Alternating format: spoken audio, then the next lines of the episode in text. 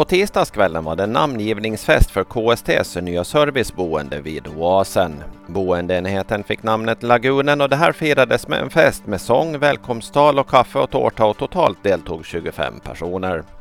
På Lagunen finns fem permanenta platser och två periodplatser men efter en renovering som ska göras kommer ytterligare två permanenta platser.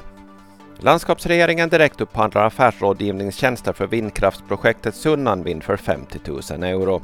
Det är konsultfirman KPMG som fått uppdraget. Genom beslutet avviker man från gränsvärdet för direktupphandling och beslutet motiveras med tidsbrist och att Sunnanvind har flera tidskritiska upphandlingar under beredning. Nu går det att söka stöd från landskapsregeringen för reparation och restaurering av kulturhistoriska värdefulla byggnader och anläggningar.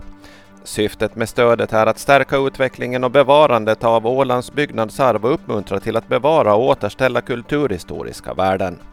Det här var Ålandsnytt på en minut med Ove Sjöblom.